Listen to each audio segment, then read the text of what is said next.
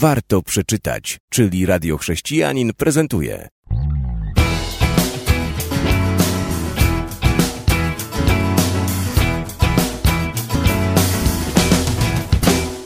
Witam serdecznie. Dzisiaj w naszej audycji warto przeczytać kilka słów o książce Demony, okultyzm, czary. Autor Josh McDowell i Don Stewart. Książka praktycznie już nie do kupienia, ale jeżeli ktoś ją zauważy, to będzie wiedział, że zasługuje na uwagę.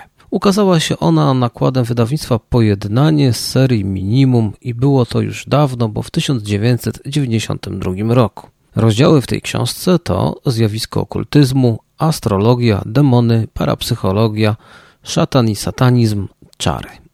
A w dodatkach władza nad szatanem, kilka słów o autorach, no i Twoja najważniejsza decyzja w życiu.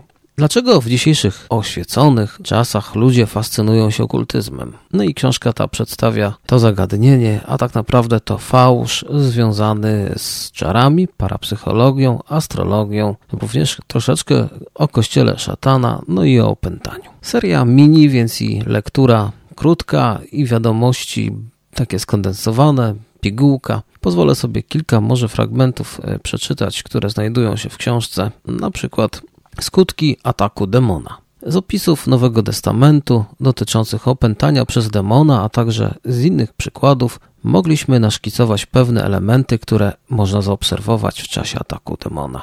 Punkt A. Zmiana osobowości, czyli m.in. inteligencji, charakteru, moralnego zachowania się.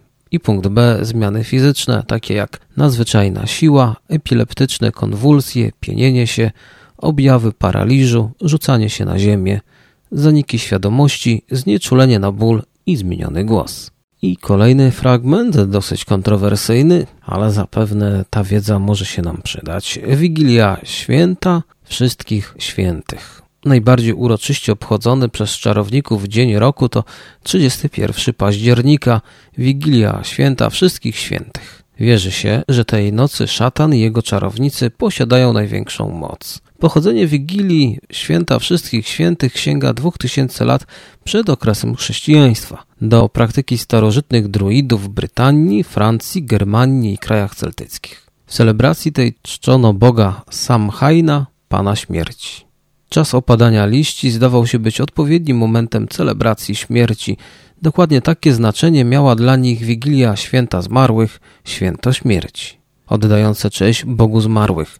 Druidowie wierzyli, że podczas tego szczególnego wieczoru duchy zmarłych powracają do dawnych miejsc zamieszkania, by odwiedzić żyjących. Kontynuuję czytanie już w innym miejscu z tego samego rozdziału. Zanim chrześcijaństwo wkroczyło na te tereny, święto śmierci nie było nazywane Wigilią Wszystkich Świętych. Ten święty wieczór ustanowiony został przez Kościół, aby uczcić wszystkich świętych w jego historii.